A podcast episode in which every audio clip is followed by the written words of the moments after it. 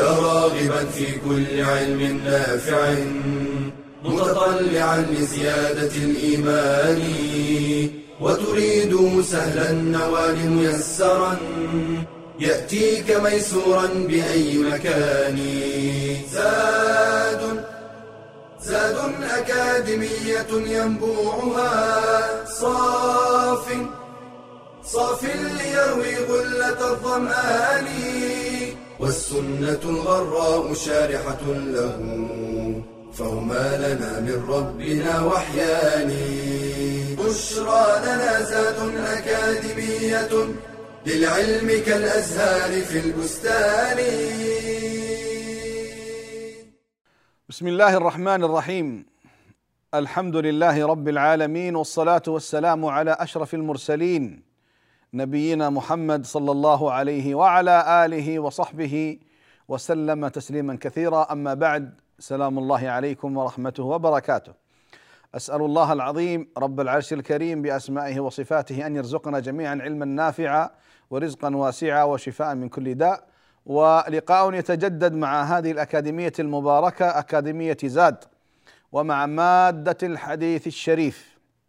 اليوم أيها الأحبة معنا الحديث الخامس عشر وهذا الحديث حديث أبي هريرة رضي الله عنه وأرضاه وهو حديث كبير وفيه من المعاني الشيء الوفير والكثير. يقول صلى الله عليه وسلم لا تحاسدوا ولا تناجشوا ولا تباغضوا ولا تدابروا ولا يبع بعضكم على بيع بعض. وكونوا عباد الله إخوانا. المسلم أخو المسلم لا يظلمه ولا يخذله ولا يحقره. التقوى ها هنا. ويشير إلى صدره ثلاث مرات بحسب امرئ من الشر أن يحقر آخاه المسلم. كل المسلم على المسلم حرام. دمه وماله وعرضه رواه مسلم. الله أكبر. كم في هذا الحديث من المعاني العظيمة ومن التوجيهات السديدة؟ لا نستبق الحديث. دعونا نقف مع معاني الكلمات. شرح المفردات يقول قوله لا تحاسدوا. الحسد هو تمني زوال النعمة عن المحسود. وإن لم يصر وإن لم يصر للحاسد مثلها وهو محرم من كبائر الذنوب. شوفوا من كبائر الذنوب. قال ولا تناجشوا.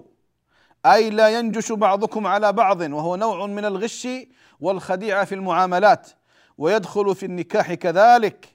فالنجش قال أهل اللغة نجش الرجل ينجش نجسا إذا زاد في سلعة أكثر من ثمنها وليس قصده أن يشتريها. بل ليغري غيره فيوقعه فيه. أي في البيع. قال أو قوله ولا تباغضوا أي لا يبغض بعضكم بعضا فلا تسعوا في أسباب البغضاء. وإذا وقع في قلوبكم بغض لإخوانكم فاحرصوا على إزالته من القلوب. قوله ولا تدابروا يحتمل معنيين. الأول في الظهور بأن يولي بعضكم ظهر بعض يعني كل إنسان يولي إنسان ظهره.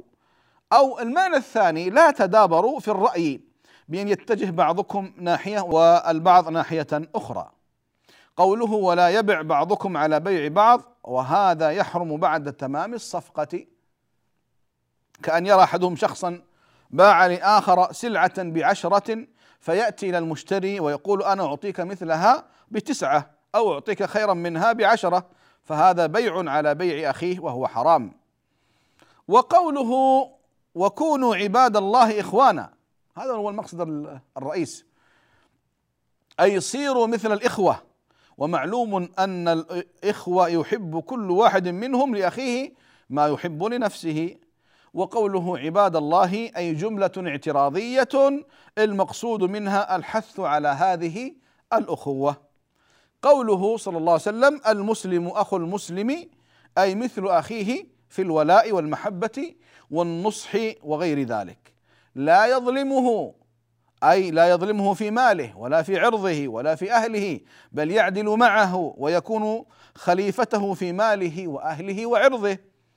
قوله ولا يخذله أي لا يهضم حقه في موضع كان يجب أن ينتصر له فيه. قال العلماء الخذلان ترك الإعانة والنصرة. ولازمه أنه إذا استعان به في دفع في دفع ظالم ونحوه وجبت إعانته إذا أمكنه ذلك. قوله ولا يحقره أي لا يستصغره ويستقله ويرى نفسه أكبر منه وأن أخاه لا يساوي شيئا. هذه كارثة أيضا. قول النبي صلى الله عليه وسلم التقوى ها هنا وأشار إلى صدره أي تقوى الله عز وجل أساسها في القلب والأعمال الظاهرة دليل على ما يقع في القلب من عظمة الله وخشيته ومراقبته لكن لا يكفي الاقتصار على عمل اللسان والجوارح دون القلب. سنتكلم عن هذا كثيرا إن شاء الله. قوله ويشير إلى صدره ثلاث مرات التقوى ها هنا التقوى ها هنا التقوى ها هنا. تأكيدا لقوله صلى الله عليه وسلم ولكون القلب هو الذي عليه مدار العمل والقبول. قوله بحسب امرئ من الشر أي بحسب بمعنى كاف والمعنى يكفي الإنسان من الإثم الإنسان من الإثم أن يحقر أخاه المسلم والعياذ بالله. أخيرا قوله كل المسلم على المسلم حرام دمه وماله وعرضه فلا يجوز انتهاك دم المسلم ولا ماله ولا عرضه وسمعته فكل المسلم على المسلم حرام. أيها الأحبة الأفاضل ونحن مع هذا الحديث العظيم وما فيه من التوجيهات الكريمة. انظروا أيها الأحبة كيف يسعى الإسلام وكيف يسعى النبي صلى الله عليه وسلم إلى لحمة المجتمع ترابط المجتمع الواحد المسلم. يعني يا إخواني النبي صلى الله عليه وسلم يضرب أمثلة كثيرة. مثل المسلمين في توادهم وتراحمهم كمثل الجسد الواحد. إذا اشتكى منه عضو تداعى له سائر الجسد بالسهر والحمى. المؤمن للمؤمن كالبنيان يشد بعضه بعضا. ولذلك النبي صلى الله عليه وسلم كان يحرص على تماسك المجتمع المسلم. وهذا الصح وهذا الأصل. وهذا الذي ينبغي أن يكون عليه كل المجتمعات المسلمة. تكون على قلب واحد. يكون أمرها واحد. التفرق والاختلاف كارثة. التفرق والاختلاف مصيبة. يؤدي إلى زعزعة الأمن.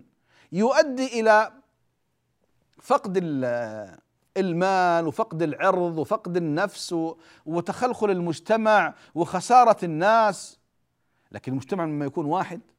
وهذه الصفات منطبقة فيه خلاص. يعني أنا أتعامل مع أخي مع المسلم كأنه أخي.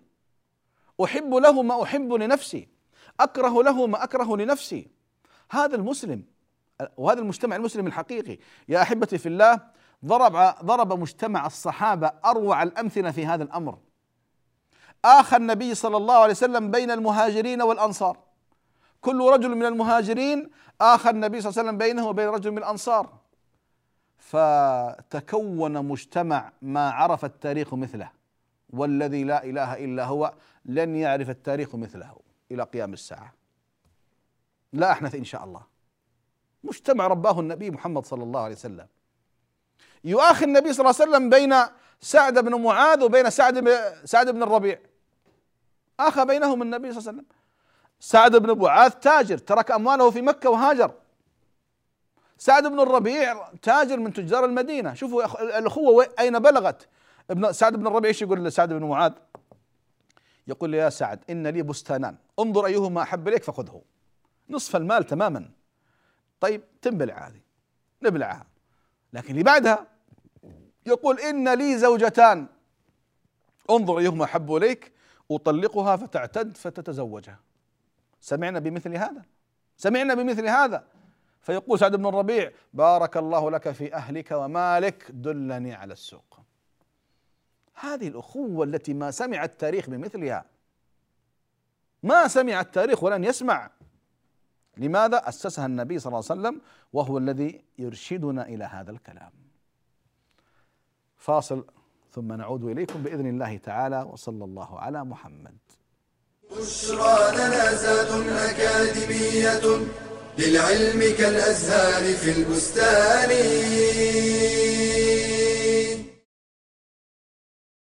ما أوثق العلاقة بين العلم والعمل؟ العلم شجرة والعمل ثمرة.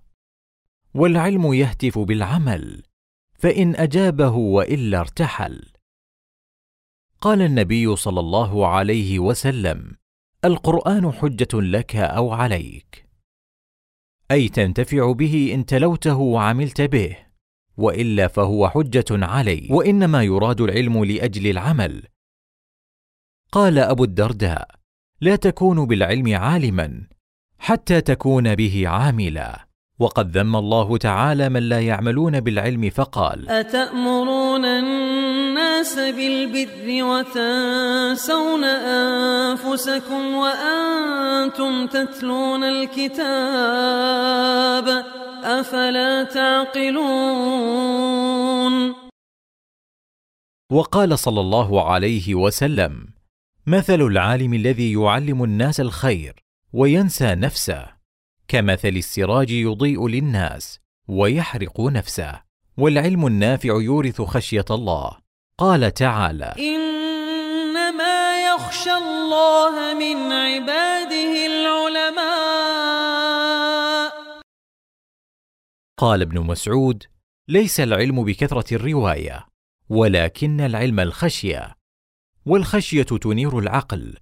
قال تعالى واتقوا الله ويعلمكم الله. أي أن تقوى الله وسيلة إلى حصول العلم فمن صدق العلم بالعمل كان قدوة للمتعلمين. ومن خالف فعله قوله كان من الممقوتين. يا أيها الذين آمنوا لم تقولون ما لا تفعلون؟ كبر مقتا عند الله أن تقولوا ما لا تفعلون. بشرى زاد أكاديمية للعلم كالأزهار في البستان. بسم الله الرحمن الرحيم. الحمد لله رب العالمين والصلاة والسلام على أشرف المرسلين نبينا محمد صلى الله عليه وعلى آله وصحبه وسلم تسليما كثيرا. أما بعد سلام الله عليكم ورحمته وبركاته. ما زلنا أيها الأحبة مع هذه التوجيهات العظيمة النبوية الكريمة التي تحافظ على المجتمع وتماسك المجتمع وترابط المجتمع وقوة المجتمع. وكما قلت قبل الفاصل أيها الأحبة النبي صلى الله عليه وسلم أسس مجتمعا ما عرف التاريخ ولن يعرف التاريخ مثله ابدا. أخوة أخوة الدين أعظم من أخوة النسب. فكيف إذا اجتمع الدين والنسب؟ يا سلام نور على نور بعد ذلك. تعالوا بنا نسمع هذه التوجيهات. أول توجيه وجهنا إياه صلى الله عليه وسلم قال لا تحاسدوا. آه الحسد كارثة. الحسد من أكبر الذنوب أو من من الذنوب العظيمة. إيش الحسد؟ الحسد تمني زوال النعمة عن المحسود. وفرق بين الحسد والغبطة. الغبطة أن أرى عندك نعمة فأتمنى مثلها ولا أتمنى زوال نعمتك عندك بيت عندك ولد صالح بنت صالحة وظيفة طيبة أتمنى مثلها لكن لا أتمنى زوال النعمة عنك يا ريتني مثل فلان ما في مشكلة لكن الحسد آه الحسد في البداية لا يكون إلا في القلوب المريضة والنفوس ال...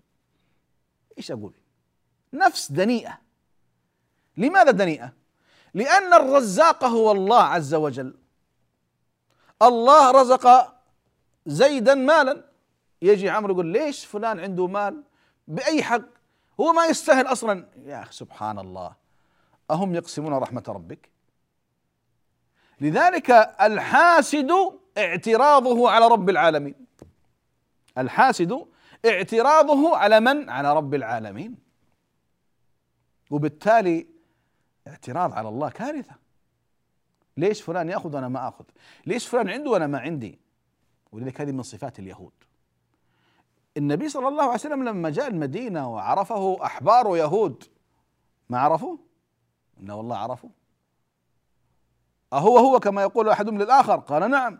قال ما تقول؟ قال العداء إلى أن أموت. كانوا يعني يتمنون ويظنون أن أن أن النبي آخر الأمة يكون من اليهود. فالله عز وجل اختار محمد بن عبد الله صلى الله عليه وسلم من أمة العرب. فنابذوه العداء ولكن الله عز وجل أقام عليهم الحجة. فبعض أحبار بني إسرائيل كعبد الله بن سلام وزيد بن ساعنة وغيرهم أسلموا. وحسن إسلامهم وكانوا من علية الصحابة رضي الله عنهم جميعا. فما الذي منعهم الحسد؟ طيب نأتي إلى قريش. أبو جهل أما كان يعرف أن رسول الله صلى الله عليه وسلم نبيا؟ بلى. يعلم ذلك يقينا يعلم. طيب ما الذي منعه الحسد؟ نافسنا بنو هاشم في كذا فنافسونا. ونافسناهم في كذا فنافسونا ثم يقولون منا نبي وليس منكم نبي؟ فأدى به ذلك إلى أنه يعلن العداء للنبي صلى الله عليه وسلم إلى أن قتل إلى جهنم وبئس المصير. فالحسد كارثة. اعتراض على الله تولي أو تمني زوال النعمة عن أخيك المسلم آه عدم يعني سبحان الله حتى الحاسد لا تستقيم حياته. الحاسد المحسود يعيش في نعمة. والحاسد يعيش في نقمة. لا يلتذ لا يلتذ لا بنوم ولا بطعام ولا براحة ولا بشيء. لماذا الحسد يعمل في قلبه؟ يعمل في قلبه كما تعمل النار. حاسد. وهكذا كانوا بنو إسرائيل. ولذلك كما يقولون في الأمثال قتل الله أو أو قاتل الله الحسد ما أعدله بدأ بصاحبه فقتله. المثل له قصة الوقت لا يتسع. لكن لكن الخاسر الأول والأخير في الحسد هو الحاسد. المحسود لا لن يضره شيء. المحسود لن يضره شيء. لكن الحاسد يعيش على على جمر على ألم. ليش عنده؟ لماذا عنده؟ لماذا هذا عنده؟ لا لا لا. المسلم يرضى. وبالعكس إذا رأى نعمة عند فلان يدعو له بالبركة اللهم بارك له فيها. هذا الصح. هذا الصح. حتى القلب لا يتحمل. لأنك أنت يعني لن ترضى حينما ترى الناس عندهم نعم وأنت ما عندك شيء فتكون حاسدا. حياتك ستكون ظلمات بعضها فوق بعض. لكن رأيت فلان عنده نعمة بارك الله له فيه. اللهم بارك له فيه. الحمد لله الذي رزق الله يبارك له بالتالي أنت نفسك تطمئن وتكون عرضة بإذن الله تعالى أن يرزقك أحسن مما عند فلان. حينما تدعو لفلان ملك يقول لك آمين ولك مثله. فبالتالي الإنسان تستقر حياته تستقيم حياته. يعيش هانئا سعيدا. ما عنده أمراض القلب هذا وما الحسد ما هو موجود في حياته أصلا. هذه الكارثة الكبيرة الحسد والعياذ بالله. تجعل الإنسان يعيش في كمد وفي غم وفي هم. ليش؟ حمل بنفسك ما لا تحتمل. هذه أرزاق من الله مقدرة من رب العالمين. لماذا؟ لماذا؟ مسكين والله مسكين الحاسد. يعيش حياة الهم والغم. الحمد لله الذي عافانا ونسأل الله أن يحفظنا وإياكم من الحسد ومن شوائبه ومن وسائل إنه على كل شيء قدير. ونسأل الله أن يقنعنا بما رزقنا. أما حسد سبحان الله. اذا لا تحاسدوا. الأمر الثاني قال ولا تناجشوا ولا تناجشوا. إيش النجش؟ أنا آتي عند هذه السلعة في السوق معروضة للبيع. فيأتي إنسان يبغى يشتريها مسكين محتاج لها. أنا وصاحب السلعة وعلى اثنين ثلاثة ها جالسين. بكم؟ يلا بكم نحطها؟ بخمسة ريال. أنا أقول بستة فلان يقول بسبعة. هذا يريدها. قال بثمانية. فأبدأ أنا أزيد وفلان يزيد. حتى نرفع من سعر إيش؟ السلعة حتى يشتريها الثاني بسعر أعلى. هذا النجش. ومع الأسف أكثر الأسواق التي فيها مزايدات أغلبها من النجش والعياذ بالله. فهذا المسكين الذي يريد هذه السلعة يزايد عليه من قبل اشخاص من أصحاب السلعة أو من الدلال حتى ياخذها بالسعر أعلى. هذا في ظلم. والإسلام يقول لا ضرر ولا ضرار. ولذلك قال ولا تناجشوا. هذا فيه احتيال فيه كذب فيه تدليس. والكسب من هذا كسب محرم. كسب محرم. انتبه يا أيها الدلال. انتبه يا أيها المناجش. هذا الكسب كسب حرام والفعل فعل حرام والعياذ بالله. طيب. قال ولا تباغضوا. الوصية الثالثة. لا تباغضوا. آه البغض. البغض هل يليق أن يقع بين المسلم والمسلم؟ تبغضني أبغضك؟ لا يا أخي. عندنا في الإسلام مبدأ الحب في الله والحب عكس البغض. أنا أبغض في الله وأحب في الله. طيب كيف أبغض في الله؟ أنا أبغض صاحب المعصية. ليس لذاتي أبغض فيه معصيته. لكن لا يزال عنده إيش؟ عنده حب إيش؟ ولاء له له كمسلم. أبغض السارق أبغض المنافق أبغض المرتشي. فأنت تبغضه لا لذاتك أنه مسلم لا تبغضه لأنه عنده مشكلة. مشكلة. لكن لا يزال المسلم أيها الأحبة كائنا من كان مسلما مسلما أقول مسلم ما هو يدعي الإسلام مسلم. له حق الولاء مني. أنا يجب علي أن أحب كل مسلم. مسلم حقيقي ما هو مسلم مدعي. وأنا أبغض كل كافر. وإن أظهر الإسلام. وهذا يا إخواني الحب في الله والبغض في الله. فصاحب المعصية أن أبغضته لا لذاته وإنما لمعصيته. طيب وصاحب الطاعة فإنني أحبه في الله وأحب عمله وأحب أخلاقه وأحبه هو بذاته. نحن أمرنا بهذا. الحب في الله والبغض في الله من أوثق عرى الإيمان نكتفي بهذا ثم نعود إليكم بإذن الله بعد الفاصل هذا وصلى الله على محمد وعلى آله وصحبه وسلم والحمد لله رب العالمين. بشرى لنا أكاديمية للعلم كالأزهار في البستان.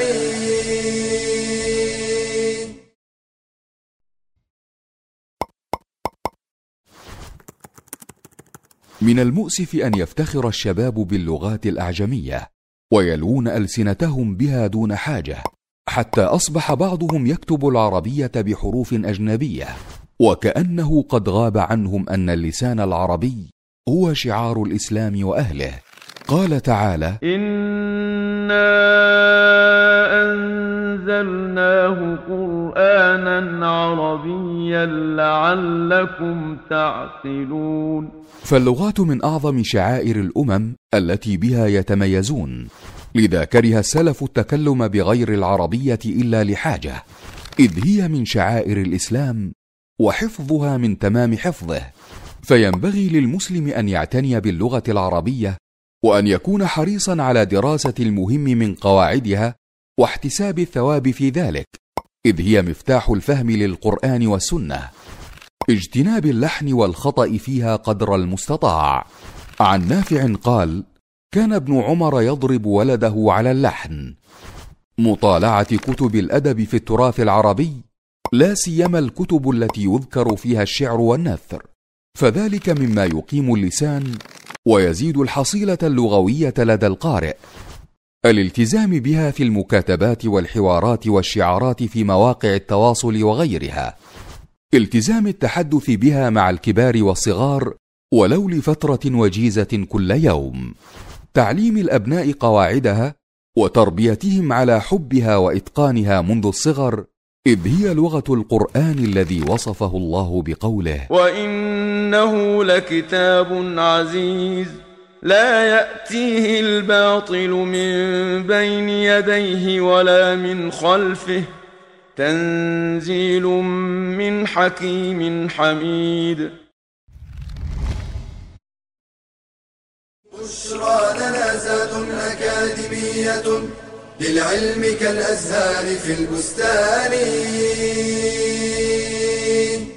بسم الله الرحمن الرحيم. الحمد لله رب العالمين والصلاة والسلام على إمام المرسلين وقائد الغر المحجلين نبينا محمد صلى الله عليه وعلى آله وصحبه وسلم تسليما كثيرا أما بعد سلام الله عليكم ورحمته وبركاته ما زلنا أيها الأحبة مع هذا الحديث العظيم وما زلنا مع قوله صلى الله عليه وسلم ولا تباغضوا كما قلت الإسلام دين المحبة والحب في الله والبغض في الله من أوثق عرى الإيمان والمجتمع المسلم يقوم على المحبة. ولذلك النبي صلى الله عليه وسلم يقول ثلاث من كن فيه فقد وجد بهن حلاوة الإيمان.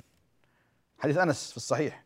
أن يكون الله ورسوله أحب إليه مما سواهما. أول واحدة. والثانية وأن يحب المرء لا يحبه إلا لله. والثالثة وأن يكره أن يعود في الكفر بعد أن أنقذه الله منه كما يكره أن يقذف في النار. قضية الحب في الله مطلب. وكم تؤجر عليها يا عبد الله وكم تؤجرين عليها يا أمة الله. الحب في الله. إذا هذه قضية مهمة جدا. بل الله سبحانه وتعالى يقول حقت محبتي للمتحابين فيا. وفي رواية وجبت محبتي للمتحابين فيا. إن للمتحابين للمتحابين فيا منابر من نور يغبطهم عليها الأنبياء والشهداء والصديقون والشهداء. بمقعدهم من الله سبحانه وتعالى. فيجي يأتي مسلم ويبدأ يبغض إخوانه. طيب ليش يا أخي الكريم؟ إن كان هناك أسباب شرعية لا بأس. إنسان مرتكب للذنوب للمعاصي لكذا مجاهر يمكن. لأن البغض أيها الأحبة يمكن أن يكون للدين ويمكن أن يكون للدنيا.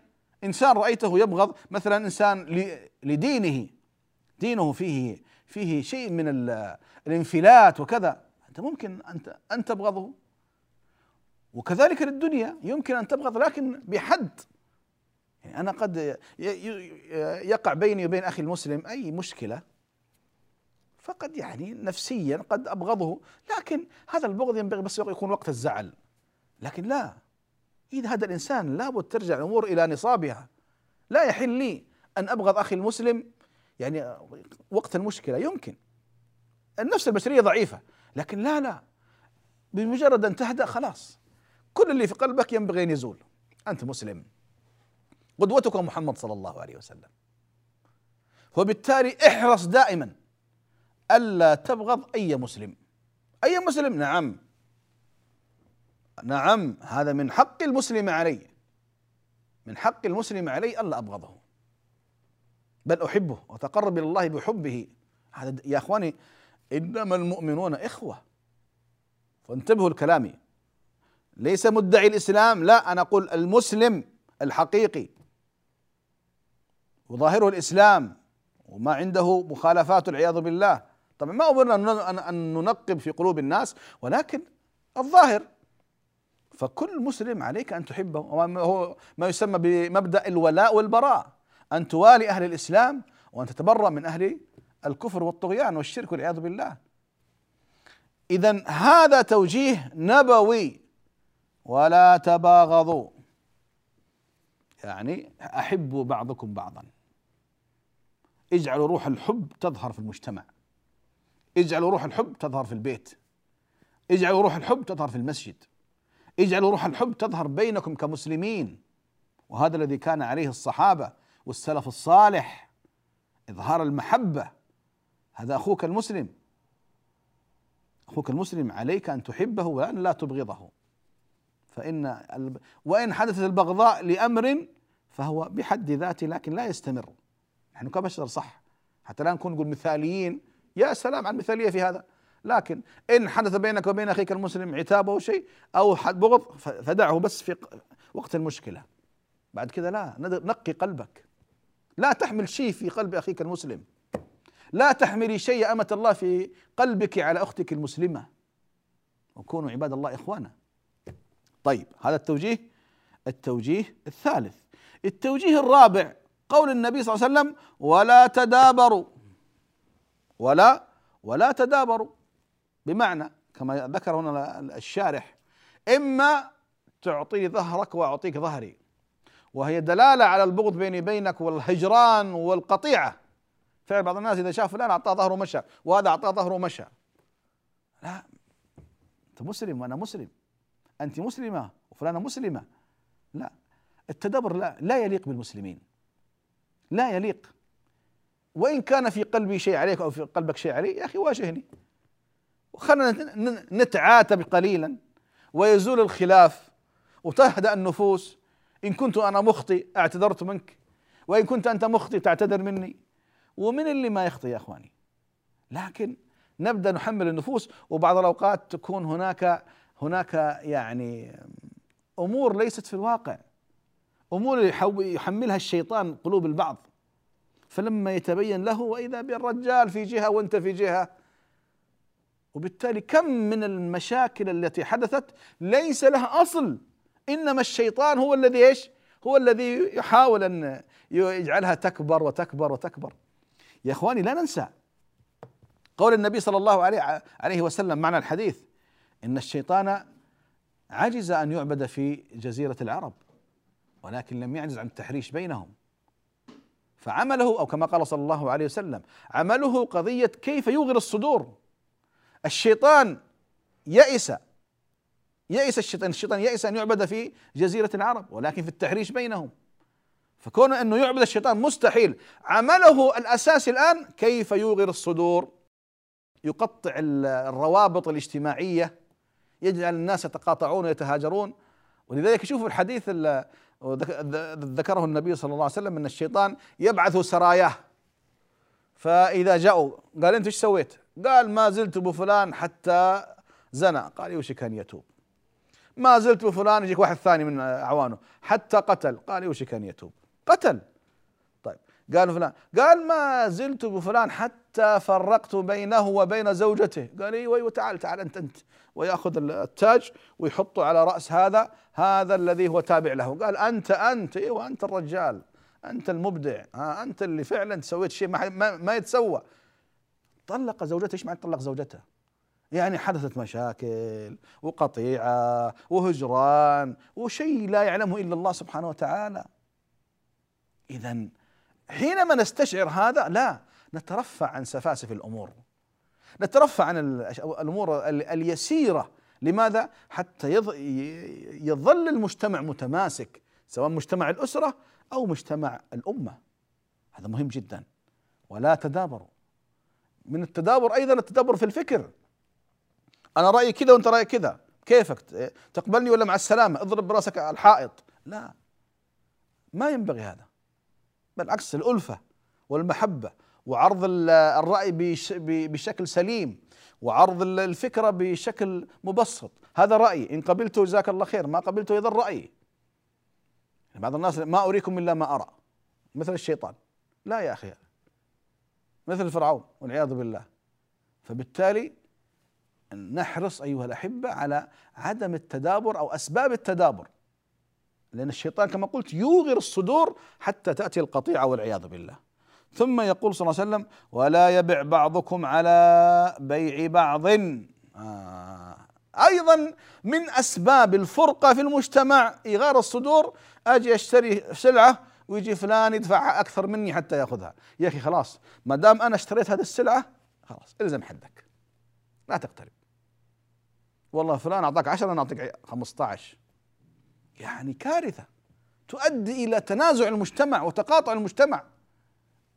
يعني أنا أذكر في مرة في من المرات في أحد المناطق جاء رجل أتى بشاحنة كبيرة جدا فيها نوع من أنواع الفاكهة. ونزل السوق. طبعا الهوامير ما يبغون يدخل السوق. فجاب يعني فاكهة الموز الكرتون ذيك الأيام 60 ريال 70 ريال. طيب إيش يسوون حتى يضربونه؟ التجار الكبار ها؟ جابوا من نفس البضاعة وباعوها ب 15 ريال الكرتون. شوف 15 والرجال رأس ماله 50 يبغى يبيعها ب 60 ريال ضرب. هل هذه من أخلاق المسلمين؟ هذه من أخلاق المسلمين؟ هذه من أخلاق اليهود.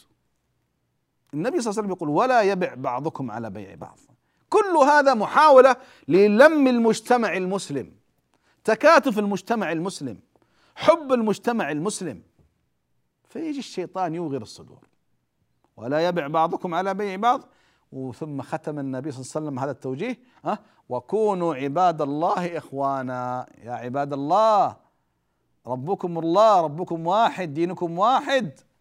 كونوا إخوانا. معنى أخوان يعني تحب لي ما أحب لك. وهكذا مع كل مسلم. ما أعظمها. ما أعظمها لما كانت منتشرة في المجتمعات الإسلامية. وكم عندي من القصص في هذا الباب في التاريخ. يشهد يشهد. لكن لما جاءت قضية الأنا وحقي ومالي وأوتيت على علم من عندي كما يقولون بدأت البغضاء تنتشر والحسد والقطيعة والتدابر وهذا الذي حذر منه النبي صلى الله عليه وسلم. نكتفي بهذا من هذا القدر من حديث ثم نكمل إن شاء الله في اللقاء القادم.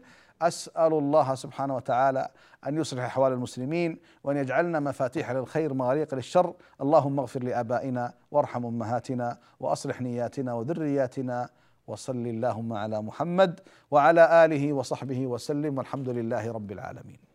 يا راغبا في كل علم نافع متطلعا لزيادة الإيمان وتريد سهلا النوال ميسرا يأتيك ميسورا بأي مكان. زاد زاد أكاديمية ينبوعها صار